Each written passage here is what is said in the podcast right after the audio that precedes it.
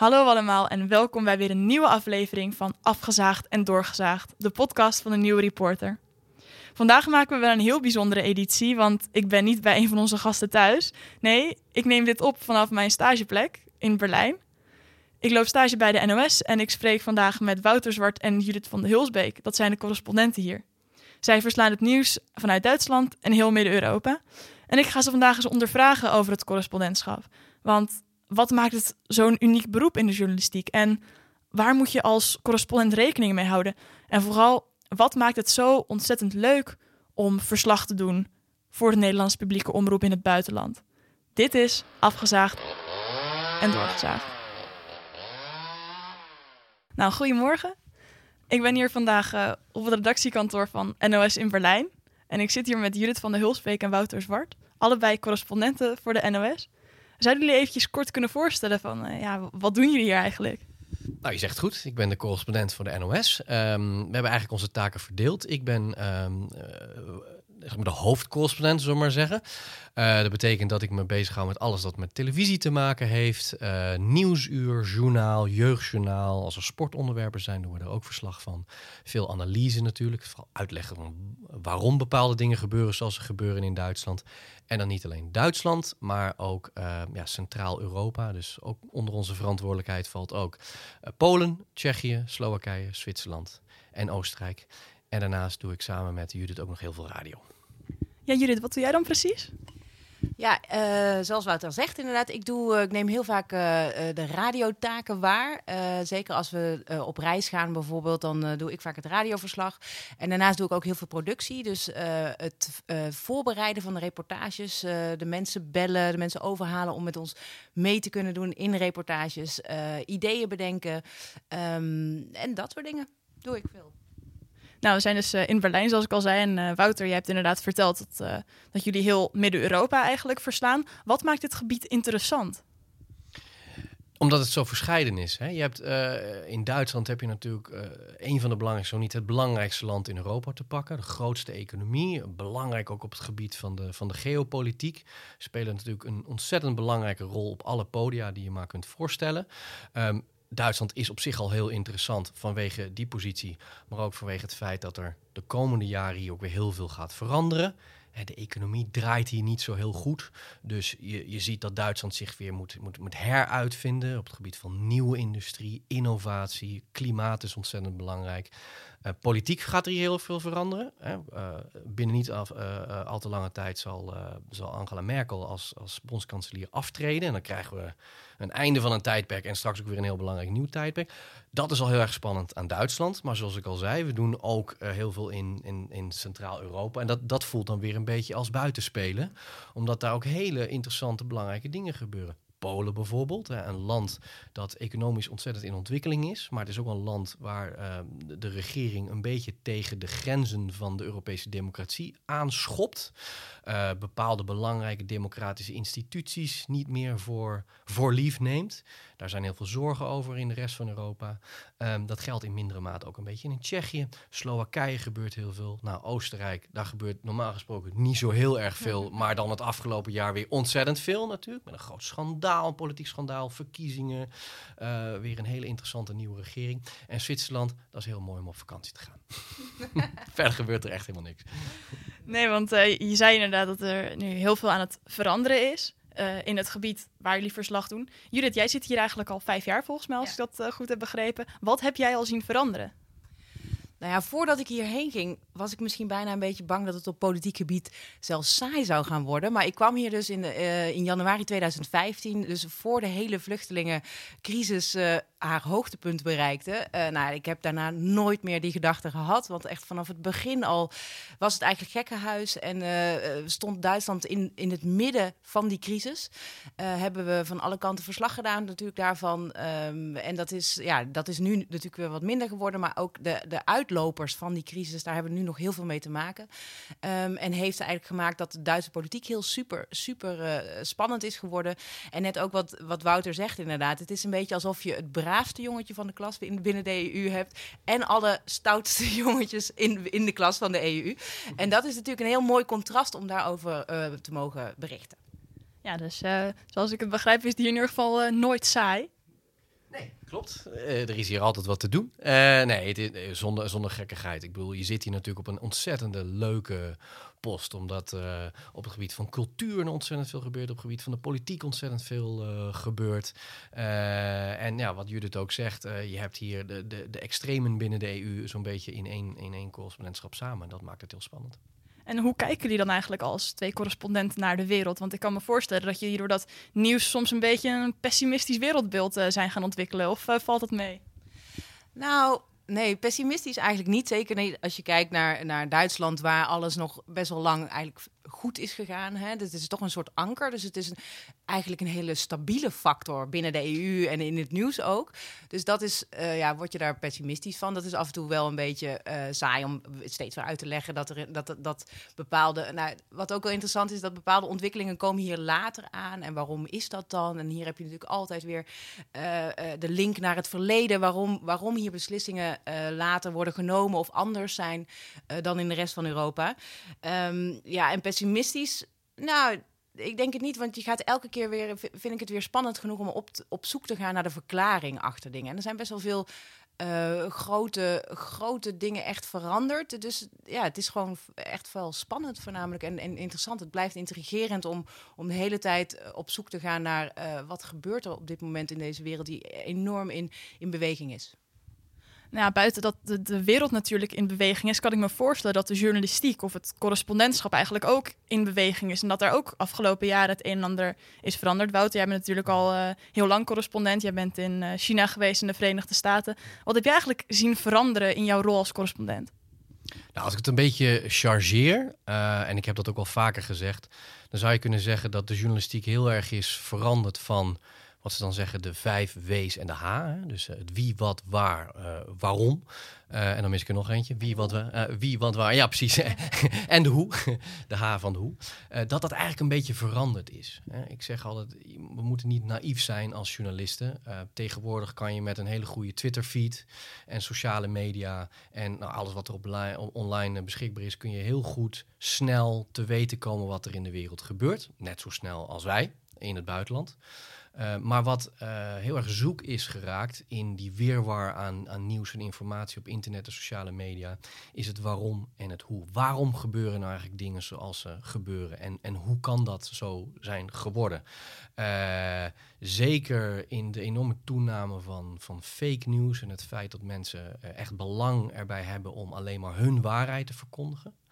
Ehm, is het ontzettend belangrijk geworden dat wij journalisten heel veel bezig zijn met de analyse. Het uitleggen waarom bepaalde dingen gebeuren. En of ze ook wel gebeuren zoals iedereen maar leest dat ze gebeuren.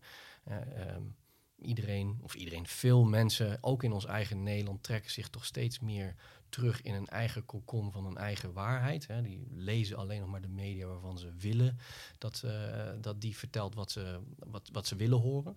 Eh, en dat is soms niet correct. En dat, dat moeten we als journalisten moeten dat eh, toch corrigeren, zodat in ieder geval de werkelijkheid ook, ook zeg maar in hun feeds terechtkomt. En dan uitleggen waarom dat zo is. En dat vind ik ontzettend belangrijk. En eh, hoe geven jullie deze uitleggende taak of de analyserende taak eigenlijk vorm eh, in de praktijk? Mm, nou ja, door ehm, heel veel gesprekken, eh, ook, ook door vaak door de reportages. Je hebt natuurlijk inderdaad gewoon het nieuws dat gebeurt. Daar, daarover berichten wij, dat komt op de, de website en zo. Maar daarnaast hebben wij bijvoorbeeld gesprekken op de radio, live gesprekken op televisie. En daarin probeer je toch die feiten in te bedden in de context. Ehm, en, en dus mee te geven eh, hoe, waarom dit belangrijk is. Eh, en waarom dit misschien he- hele ernstige gevolgen gaat hebben bijvoorbeeld. En, ehm, en ook vaak die twee kampen uit te leggen. Van nou, het ene kamp ziet het zo en het andere kamp ziet het zo. Want dat is natuurlijk tegenwoordig eh, vaak heel erg verschillend hoe mensen een bepaald onderwerp beleven. Je ziet het bijvoorbeeld bij klimaat. Een nieuwe splijtswam hè, in, de, in, de, in de samenleving, in meerdere samenlevingen ook. En nou, ja, dan kan je kijken van waar, waar zitten in het kamp van de klimaat, eh, nou, ontkenners dan niet, maar de mensen die, die kritisch zijn over klimaatmaatregelen eh, en de mensen die juist meer willen, hoe zien die bepaalde beslissingen van de regering? Dat is bijvoorbeeld heel erg interessant om te laten zien. Ehm, en nu ben ik de vraag een beetje kwijt. Wat was je, ze heeft, ja, Oh Ik ben- duiden. Nou ja, dit, het is heel erg belangrijk ook om, om, om onderscheid te maken tussen kritische verslaggeving en kritiek op. En dat Ja. raakt mensen ook wel eens kwijt. Hè? Als ik schrijf dat president Trump een onwaarheid heeft gezegd, dan is dat een feit. En dat is kritische verslaggeving. Maar mensen verwarren dat soms met dat ik kritiek heb of had op president Trump in mijn tijd in Amerika. En dat is natuurlijk niet zo. Maar het is wel belangrijk dat ik jou als luisteraar, luisteraar of als kijker of als lezer vertel, nou wat u net heeft gelezen over wat de president gezegd heeft. Dat klopt eenvoudigweg niet en wel hierom.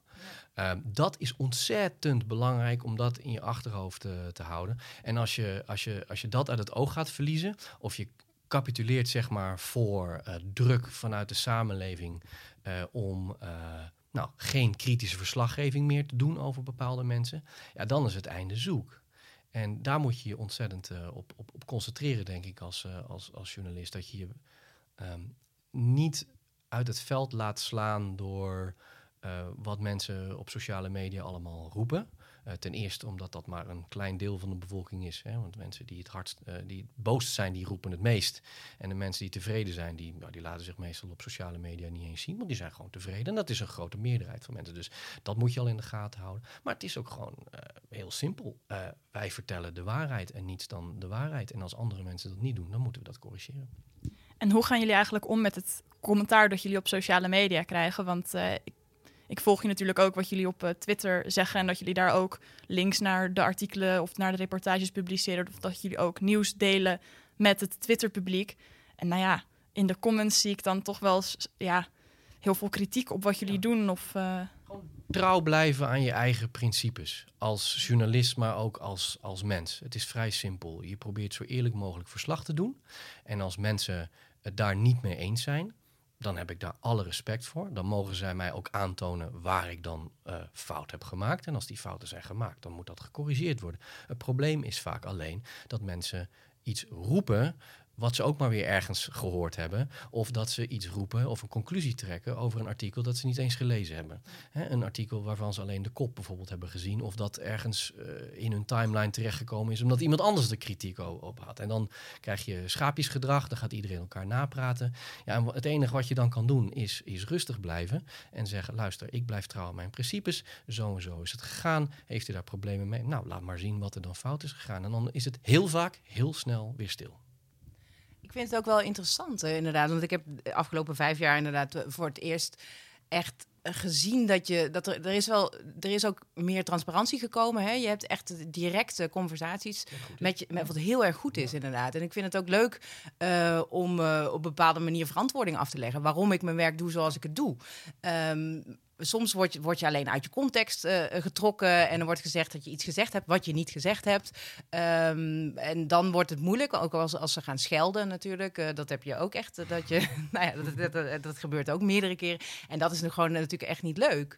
Maar het uitleggen van waarom ik mijn werk zo doe zoals ik het doe, dat vind ik eigenlijk alleen maar fijn. Ehm, en, en soms ook wijst het mij op dingen die ik niet uitleg of die ik ja, veronderstel dat mensen dat weten. Ehm, of veronderstel dat mensen snappen waarom ik die, men, eh, die spreker wel aan het woord laat en die andere spreker niet. En dan vind ik het alleen maar goed voor mezelf en voor het publiek, omdat ik dat uit kan leggen. En, en, en het is ja, belangrijk om de verhoudingen in je achterhoofd te houden. We hebben het heel vaak over kritiek op sociale media. Dat is ook lekker makkelijk voor mensen. Dan kunnen ze eenvoudig en snel hun, eh, hun commentaar kwijt, of het nou positief of negatief is. Meestal negatief, uiteraard, want dat, dat ja, lucht zo lekker op natuurlijk. Een beetje schel op Twitter. Ehm, maar het is belangrijk om de verhouding eh, in je achterhoofd te houden. Daarmee bedoel ik te zeggen, mensen die tevreden zijn, ja, die zullen niet zo snel in de pen kruipen. Eh, wat wij sinds eh, niet al te lange tijd doen, is ook publieksavonden organiseren. Eh, en daarmee kom je dus in contact met, met, eh, met, met ook kijkers, die misschien niet automatisch ook op sociale media zitten. En dan merk je eigenlijk dat er een hele grote, eh, nou ja, ik wil niet zeggen tevredenheid is, maar in ieder geval een dankbaarheid dat er mensen zijn die eh, elke dag eh, proberen eh, het, het, nieuws zo goed mogelijk uit te leggen en, en te verklaren. En dan hebben wij het relatief nog makkelijk. Hè? Wij zitten natuurlijk in een heel mooi en veilig land. Maar ik heb soms wel eens te doen met mijn collega's die ook letterlijk hun leven in de waagschaal leggen. Elke dag in oorlogsgebieden zijn, de grootste rampen ter wereld verslaan.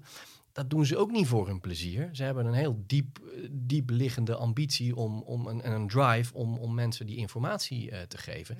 Ja, en als die mensen dan ook op Twitter worden afgemaakt omdat ze, weet ik veel, iets lelijks hebben gezegd over moslims of juist over christenen, wat al niet eens klopt, dan denk ik soms, jongens, waar zijn we nou mee bezig? Heb een beetje respect voor, uh, voor wat die mensen doen.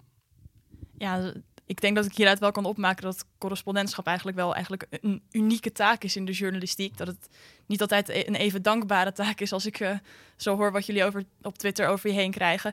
Maar ja, goed, welke eigenschappen moet een correspondent eigenlijk hebben om deze complexe taken goed uit te kunnen voeren?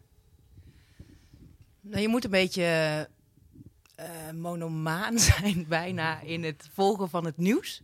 En in het willen begrijpen, willen kaas maken van, van, van, van de wereld om je heen. Um, en inderdaad uh, een onaflatende energie te hebben om maar steeds te blijven um, volgen wat er allemaal gebeurt in, jou, in jouw gebied. Um, ja, en voor de rest, ik denk dat je graag moet willen vertellen. Uh, je moet het graag willen uh, overbrengen aan een publiek. ja. En gewoon geïnteresseerd zijn in mensen, uh, geïnteresseerd zijn in, in, in wat er gebeurt. Ja, ik ben het daar hardgrondig mee eens. Ik denk dat het ook belangrijk is om, uh, om rust te hebben en overzicht. Uh, en, en eerlijkheid.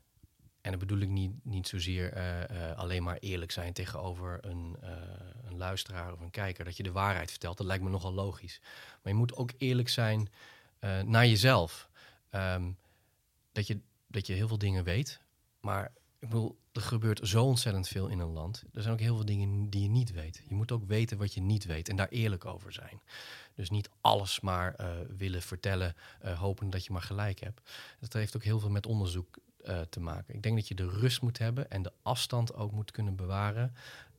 om een bepaald verhaal te kunnen vertellen. Je emoties niet te veel een rol te laten spelen. En waarom, waarom waarom, waarom zeg ik dat? Omdat ik het belangrijk vind dat je als journalist hele complexe gebeurtenissen en complexe kwesties moet proberen tot hele simpele uh, termen terug te brengen, zodat iedereen het begrijpt, als je begrijpt wat ik bedoel. En dat is soms ontzettend lastig.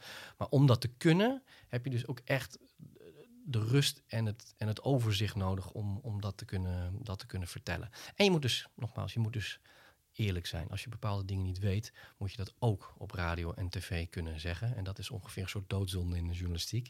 Mensen zijn altijd heel bang. Uh, oh, ik ben journalist, ik hoor alles te weten. Dus ik moet, ik, ik moet maar gewoon wat gaan roepen. Ja, dat is, levensgevaarlijk, want dan ga je ook uh, de kantjes eraf lopen vertel je onwaarheden. Soms weet je iets niet, mag je ook best zeggen op de radio of op de televisie en, er, en er zijn altijd mensen die het wel weten. Dus ik denk dat het jouw taak als journalist ook is dat je uh, weet wie het wel weet. En, mm. en dat je daar heel snel uh, een, een, goed gesprek mee kan voeren, omdat toch de basiskennis er is.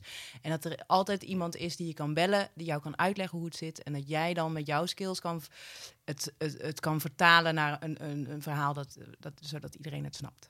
En een, nou goed, dat hadden we al gezegd. En een enthousiasme. dat, dat merk je wel uit deze antwoorden. We lullen een end in de ronde. Omdat we het gewoon ook ontzettend leuk vinden om te doen. Ja. ja, ik denk dat het aan enthousiasme in ieder geval niet ontbreekt. Maar ik denk dat het bij jullie ook niet aan een best wel hoog verantwoordelijkheidsgevoel ontbreekt eigenlijk. Um, richting de lezer, richting de luisteraar of de kijker. Ik denk dat ik me daar niet vergis als ik zeg dat jullie wel dit echt met een heel grote passie en verantwoordelijkheidsgevoel doen, toch? Ja, met een, met een soort verantwoordelijkheidsgevoel dat je graag het juiste wil vertellen. En nou ja, wat, waar we het al eerder over hadden. Het is belangrijk dat de waarheid verteld wordt en ook uitgelegd waarom die waarheid is zoals die is. Waarheid is tegenwoordig een heel buigzaam begrip, zoals je weet. Um, en daarmee komt heel veel verantwoordelijkheid. Daarom voelen wij ons echt altijd heel erg genoodzaakt om dingen niet twee keer, maar drie keer uh, te checken. Ook bij elkaar te checken. Um, ik wilde nog iets anders zeggen, maar ik ben het even kwijt dat uh, ja, uh, inderdaad die verantwoordelijkheid om, om uh, de kijker en de lezer te berichten over de grote, de grote bewegingen die gaande zijn, zeg maar. Dus de, de voelsprieten om te kijken van waar gaat dit heen? Wat zijn de, wat zijn de gevolgen van, van bepaalde politieke beslissingen? Waar, hoe, hoe tikt deze eh, samenleving, zoals ze dat in het Duits zeggen? En wat, wat heeft dat, waar, gaat dat, waar gaat dat in de toekomst heen? Wat, wat voor grote gevolgen het heeft. En, en daar voel ik wel verantwoordelijkheid voor om, om, om daar hier als correspondent ehm, echt een, ehm, ja, de vinger aan de pols te houden. En om de Nederlander te laten weten van, nou, waar gaat het heen met Duitsland? Dat is heel belangrijk. Waar Duitsland heen gaat, is ook eh, misschien wel waar de EU heen gaat, weet je wel? Ja. En, oh, jij wilde, jij wilde nog vertellen? Verantwoordelijkheidsgevoel is misschien wel een goede term, maar ik zou het ook wel een soort gevoel voor rechtvaardigheid, uh, een radar voor rechtvaardigheid willen noemen, of een radar voor onrechtvaardigheid omdat het natuurlijk ook aan ons is om uh, de zwakkeren in de samenleving in ieder geval een stem te geven. Ik wil niet zeggen dat, ik, dat dat dan mijn mening is. Maar die mensen moeten natuurlijk ook gehoord worden. Hè. Politici die hebben een heel makkelijk kort lijntje naar, uh, naar een journalist. Maar iemand die in een moeilijke situatie verkeert. Of zo, hè, um, financieel, sociaal, cultureel wat zwakker in het leven staat die moet ook gehoord worden. Dat is een, een van onze taken. Ik heb het ook wel eens omschreven als je bent, zeker voor de publieke omroep, ben je niet als correspondent alleen maar correspondent uh, voor Nederland of namens de Nederlanders. Je bent eigenlijk ook een beetje de correspondent voor die persoon in dat land. Wat ik daarmee probeer te zeggen is, toen ik in China werkte, waren er heel veel mensen die leven in omstandigheden die geen stem hebben en hun verhaal en hun grieven niet kwijt kunnen. Omdat hun eigen overheid vrije journalistiek niet toestaat. Dus hun verhaal wordt niet gehoord. Als ik dat verhaal dan via mijn medium wel kan vertellen, zodat uiteindelijk er misschien hopelijk ergens iemand is die een verandering in de situatie kan brengen, dan is dat een goede, dan is dat een goede ontwikkeling. Dus je bent in principe ook een beetje correspondent van de Chinese publieke omroep of de Afghaanse publieke omroep, als je begrijpt wat ik bedoel. En uh, die radar voor rechtvaardigheid, Staat hij altijd aan bij jullie? Ja, eh, ja, hij sluimert sowieso altijd. En soms staat hij heel erg aan. En als, hij, uh, als, als ik zo'n verhaal herken, dus uh, dan, dan, gaat hij, dan slaat hij uit. dus dan, dan kom je in actie. Ping. Uh, zo heb ik bijvoorbeeld, uh, wij hadden een schoonmaakster thuis en die vertelde, die was, die was ver boven de pensioenleeftijd. En zij vertelde, ja, ik uh, heb mijn hele leven lang gewerkt, maar ik moet dit, ik heb deze baan nu opgepakt, want ik kan het niet, ik kan van mijn pensioen niet rondkomen. Um, en zij werkte zes dagen per week. Ze was bijna 70. Um, dus nou ja, ze, ze, was heel blij dat ze bij ons kon werken. Maar daar hebben we uiteindelijk valt dat verhaal heel goed in een soort politiek verhaal en veel kritiek op de regering over die lage pensioenen. Um, en dan, dan, dan kom je dus in actie. En zij is ook in Nederland uh, volgens mij in het acht uur journaal uh, geweest. En hoe vinden jullie dan een balans tussen eigenlijk die, die constante alertheid, die radar, maar toch ook weer de rust bewaren om je verhalen goed te kunnen schrijven en om eigenlijk een beetje ook te ontspannen? Ah, dat vind ik een hele goede vraag. Um, hmm. Nou, je moet ook af en toe afstand uh, nemen. Dat adviseer ik bijvoorbeeld ook stagiaires die bij ons uh, wel eens hier, hier zijn, die dan dreigen te verdrinken in een verhaal. Uh, neem af en toe ook even afstand. Laat iemand anders het er eventjes lezen. Uh, uiteindelijk, hebben we het al eerder over gehad, is het belangrijk dat je een complex verhaal zo simpel mogelijk kan vertellen, dat iedereen het ook begrijpt. En wij journalisten zijn perfectionisten. Dus wij willen het liefst elk detail wel uitleggen, maar dat is vaak helemaal niet nodig. Sterker nog, een verhaal wordt er alleen maar ingewikkelder door. We schrijven hier geen wetenschappelijke onderzoeken die helemaal afgetimmerd moeten worden. Uh, als de feiten kloppen en het is een begrijpelijk verhaal en aantrekkelijk om te lezen of te zien of te horen, dan heb je je taak gedaan. En daarvoor moet je soms ook eens afstand nemen. Dus uh, ja, mochten er mensen in de buurt hier wonen die denken: wie is toch die man die af en toe een beetje over straat loopt te slenteren? Dat ben ik dan. Zo rond het middaguur die even een blokje om moet, omdat ik er ook, ook even niet meer uitkwam. Ja, bij, bij, mij werkte die, uh, die, die sluimerstand wel heel erg. Want die had ik in het begin helemaal niet. Waardoor ik ook inderdaad 24-7 aanstond. En uh, dat trok ik ook uh, niet lang. dus daar moest, die, daar moest een verandering in komen. En die komt ook met, met het vertrouwen dat je krijgt op een gegeven moment als je dit gebied beter leert kennen. Ja. Dus ik kan, nu, ik kan nu in een soort stand-by stand gaan. omdat ik weet dat zodra er iets gebeurt, dat ik, dat ik best wel veel parate kennis heb. Dus dan, dan kan ik ook gewoon lekker in het bos gaan wandelen. Lekker uitgaan en alles. En dan als er iets gebeurt, dan, dan heb ik nu het vertrouwen um, dat ik daar ook best wel snel weer eh, daar kan staan en ook de, de kennis goed kan overbrengen. Dat duurde wel echt wel lang bij mij, echt twee jaar of zo. Dus dat was, uh, dat was in het begin echt best wel heftig. Want dat is wel echt anders als correspondent. Ben je eigenlijk de hele tijd uh, ben je de hele tijd verantwoordelijk voor dat gebied. Dus als er iets gebeurt, dan, dan ben jij het die het moet gaan doen. Gelukkig zijn we met z'n tweeën. Dat, echt, dat vind ik zo fijn, want dat, soms kun je het verdelen.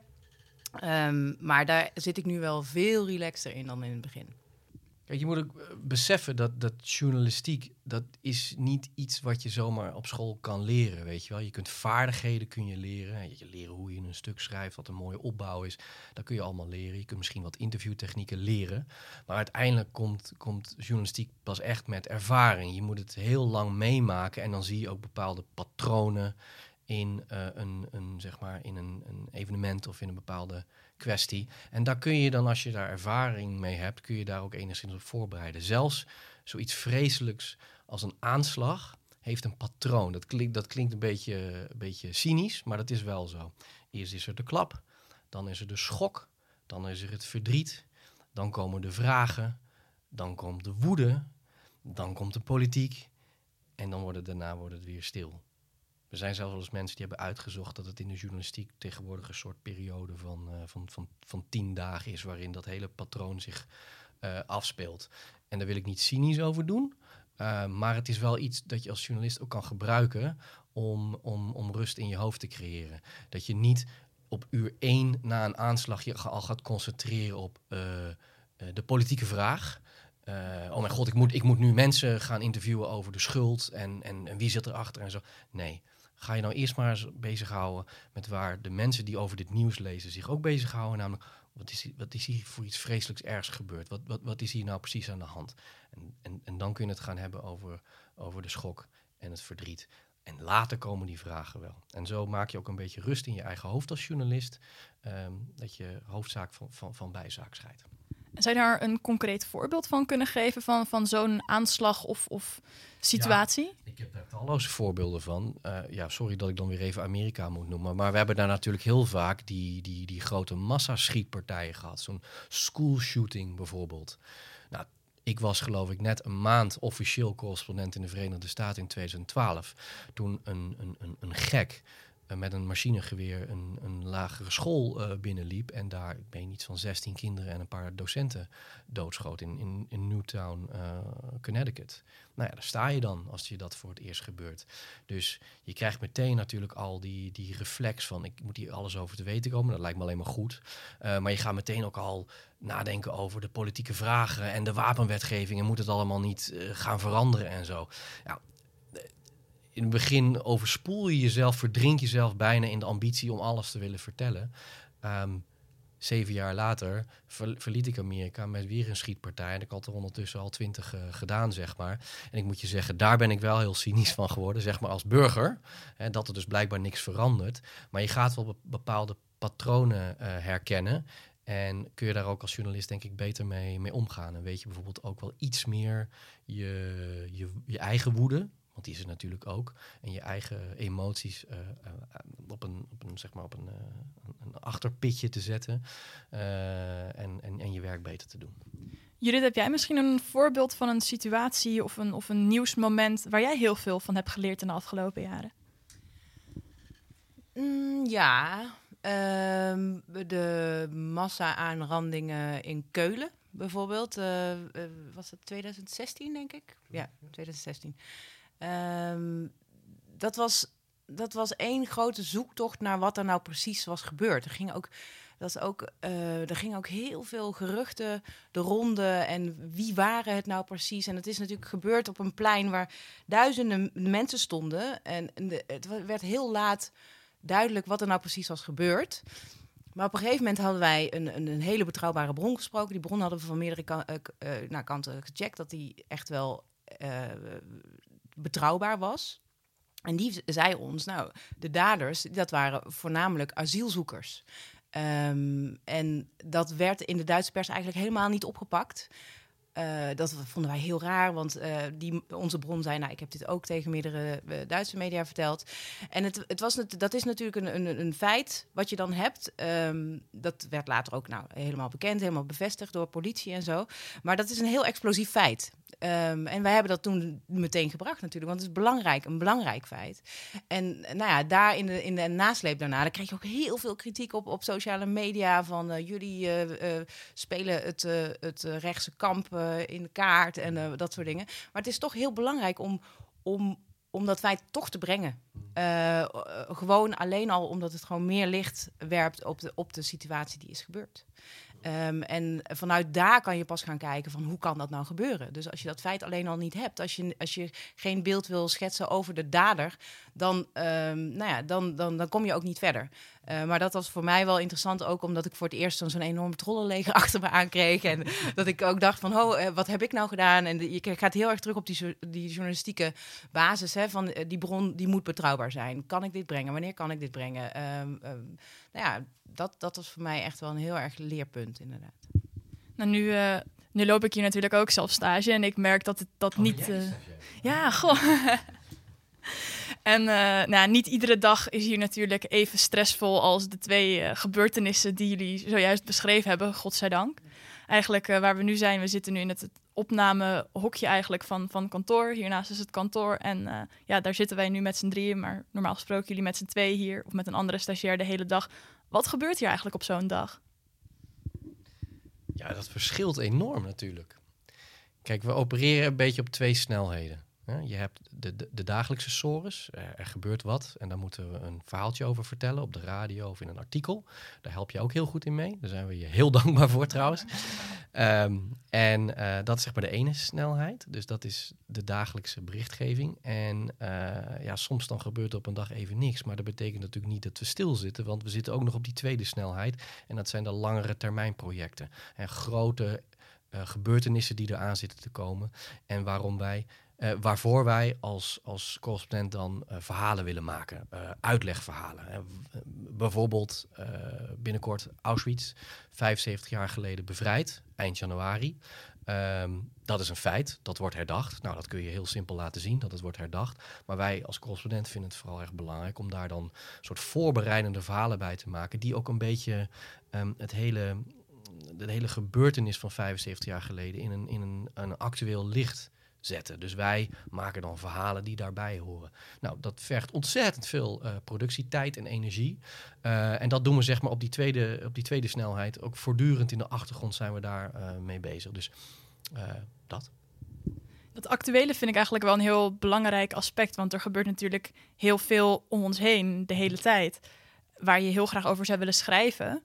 Maar ja, er moet natuurlijk een actueel haakje zijn. Hoe vind je zo'n haakje waardoor je dat toch dan op de NOS kan publiceren en dat het dan niet meer een achtergrondverhaal wordt voor een krant, maar echt een nieuwsbericht?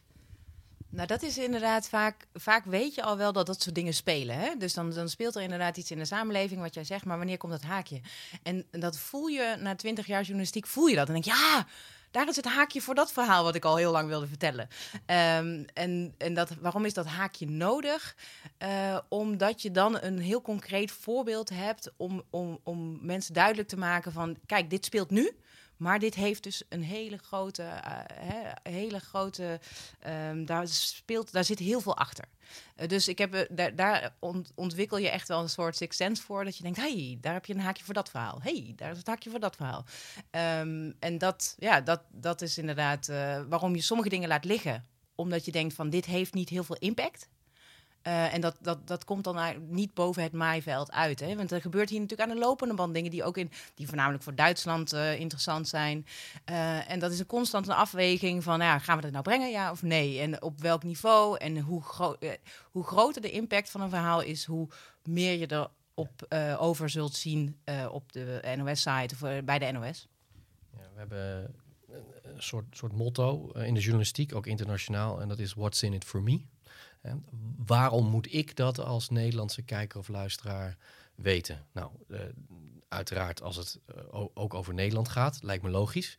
Uh, als er een staatsbezoek is van een Nederlandse koning aan Duitsland, zoals deze zomer gaat gebeuren, logisch dat je daarover bericht.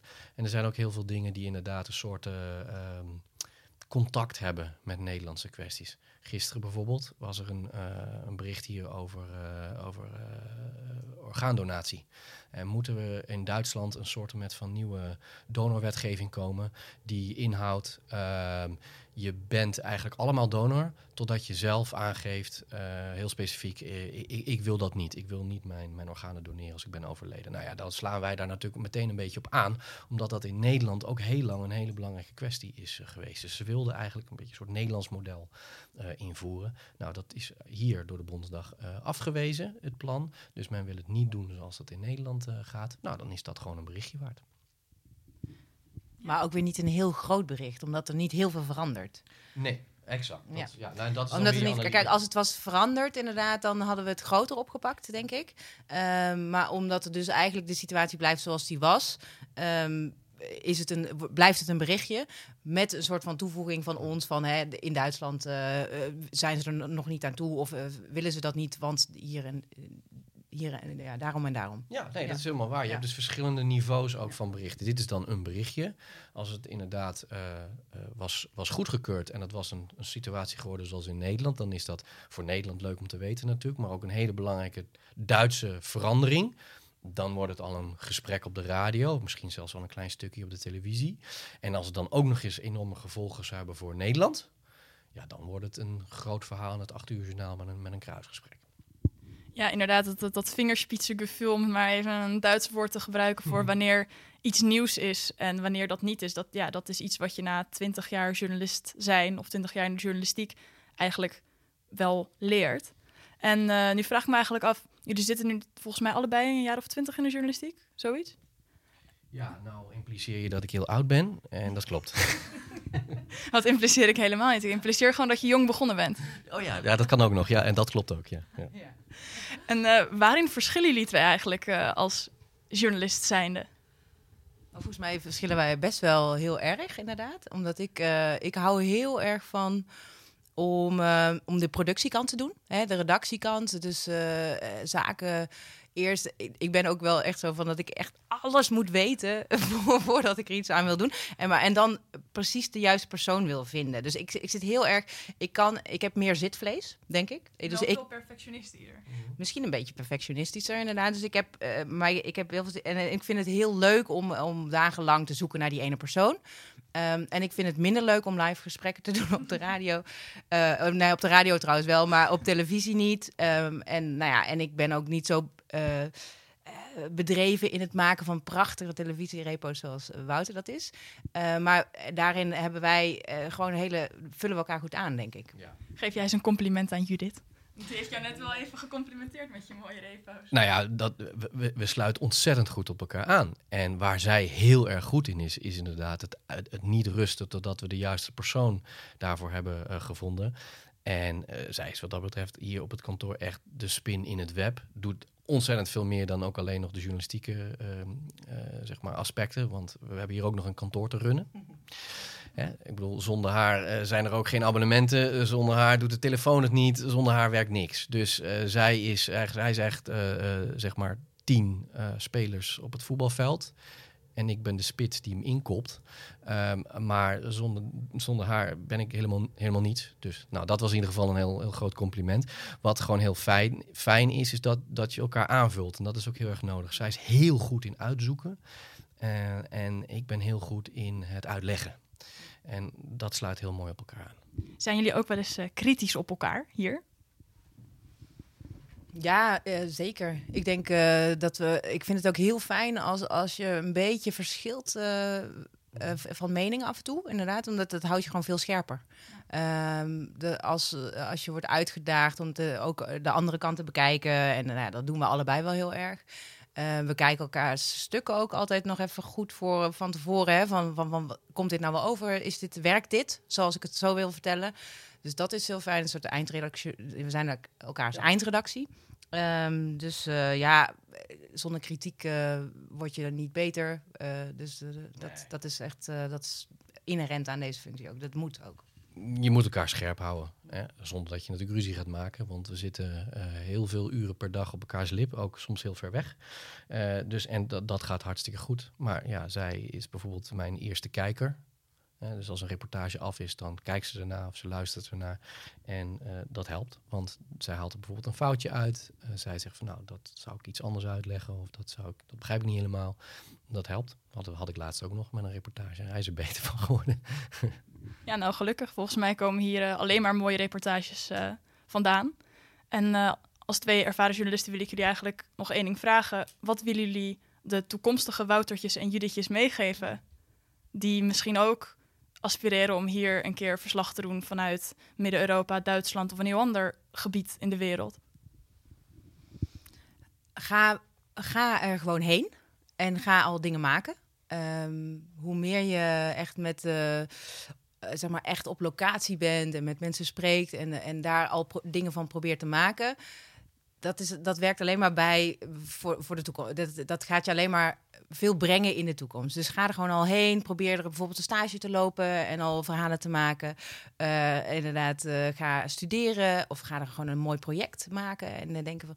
En um, nou ja, ik denk, ik vind het ook wel mooi als je echt één bepaald onderwerp hebt waar je heel erg gepassioneerd over bent, wat in deze, in deze regio ligt. Waardoor je ook echt een beetje specialist wordt op één onderwerp maar daarnaast moet je natuurlijk ook een generalist zijn. Maar ja, ga gewoon achter de dingen aan waar je hart sneller van gaat kloppen. En jij? Uh, ja, weet je, er is veel aan de hand in de wereld. Um, de wereld wordt steeds kleiner. Je kunt voor drie tientjes naar de andere kant van Europa vliegen. Uh, tegelijkertijd wordt de wereld ook steeds groter, omdat mensen zich afsluiten. Steeds meer. Een beetje de luiken dichtgooien. En alleen maar bezig willen zijn met wat zij uh, belangrijk vinden. En ik denk dat het heel belangrijk is dat er mensen zijn zoals wij die daar een beetje doorheen beuken. En af en toe zeggen: jongens, doe die luiken nog wel even open. Want er gebeuren hele belangrijke dingen.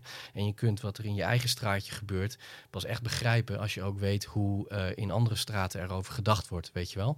Um, dus die luiken die moeten, moeten open. En volgens mij is het fantastisch als jij het leuk vindt om, om verhalen te vertellen en de wereld te verklaren. Uh, en mensen de ogen te openen, dan heb je volgens mij de mooiste baan ter wereld. Dus uh, kom bij de marine. Dat was weer een aflevering van Afgezaagd en Doorgezaagd. Heel erg bedankt voor het luisteren en tot de volgende zaag.